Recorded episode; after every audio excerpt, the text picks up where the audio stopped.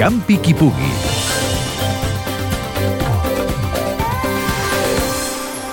Les comarques de Tarragona acolliran per primer cop la Marató Costa Daurada. És una prova que neix amb la intenció de potenciar encara més l'atletisme de tarragoní i com un altre reclam turístic. Sentim Juanan Fernández, responsable de l'organització. Nosaltres tenim un, un calendari de curses d'unes 12 curses a l'any i, i tenim curses de 10 quilòmetres, curses de muntanyes, curses de 5, curses, mitges maratons, inclús que a fer la mitja marató de Cambrils, amb molt d'èxit, però marató no en teníem. I, i bueno, assolir una marató, evidentment, és, ens hem donat només des de l'organització el canvi que comporta tindre una marató, perquè és un canvi doncs, eh, molt important sota el, el punt de vista organització i logística, i sobretot perquè tenim una, un repte molt gran que estem dinamitzant el turisme. La prova començarà al Centre de Convencions de PortAventura i tindrà un recorregut pla buscant afavorir el caràcter popular de la cursa, al marge també de buscar, d'aquesta manera, aconseguir bones marques. Són dos voltes, un circuit de 21 quilòmetres, el que sí creiem que és molt bonic, és un circuit totalment pla, amb el qual aquí apostem per mm, poder assolir bones marques, que és el que molta gent amb els 42 quilòmetres de la marató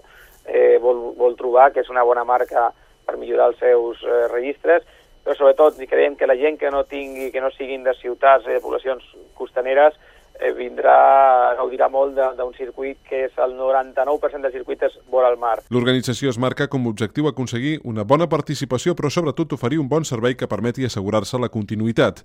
De moment ja s'ha arribat als 1.000 atletes inscrits. Cal destacar la participació d'atletes com José Luis Blanco, Martín Fiz o Víctor Morente. Serà, a més, la primera marató que es disputa a Catalunya fora de les comarques de Barcelona.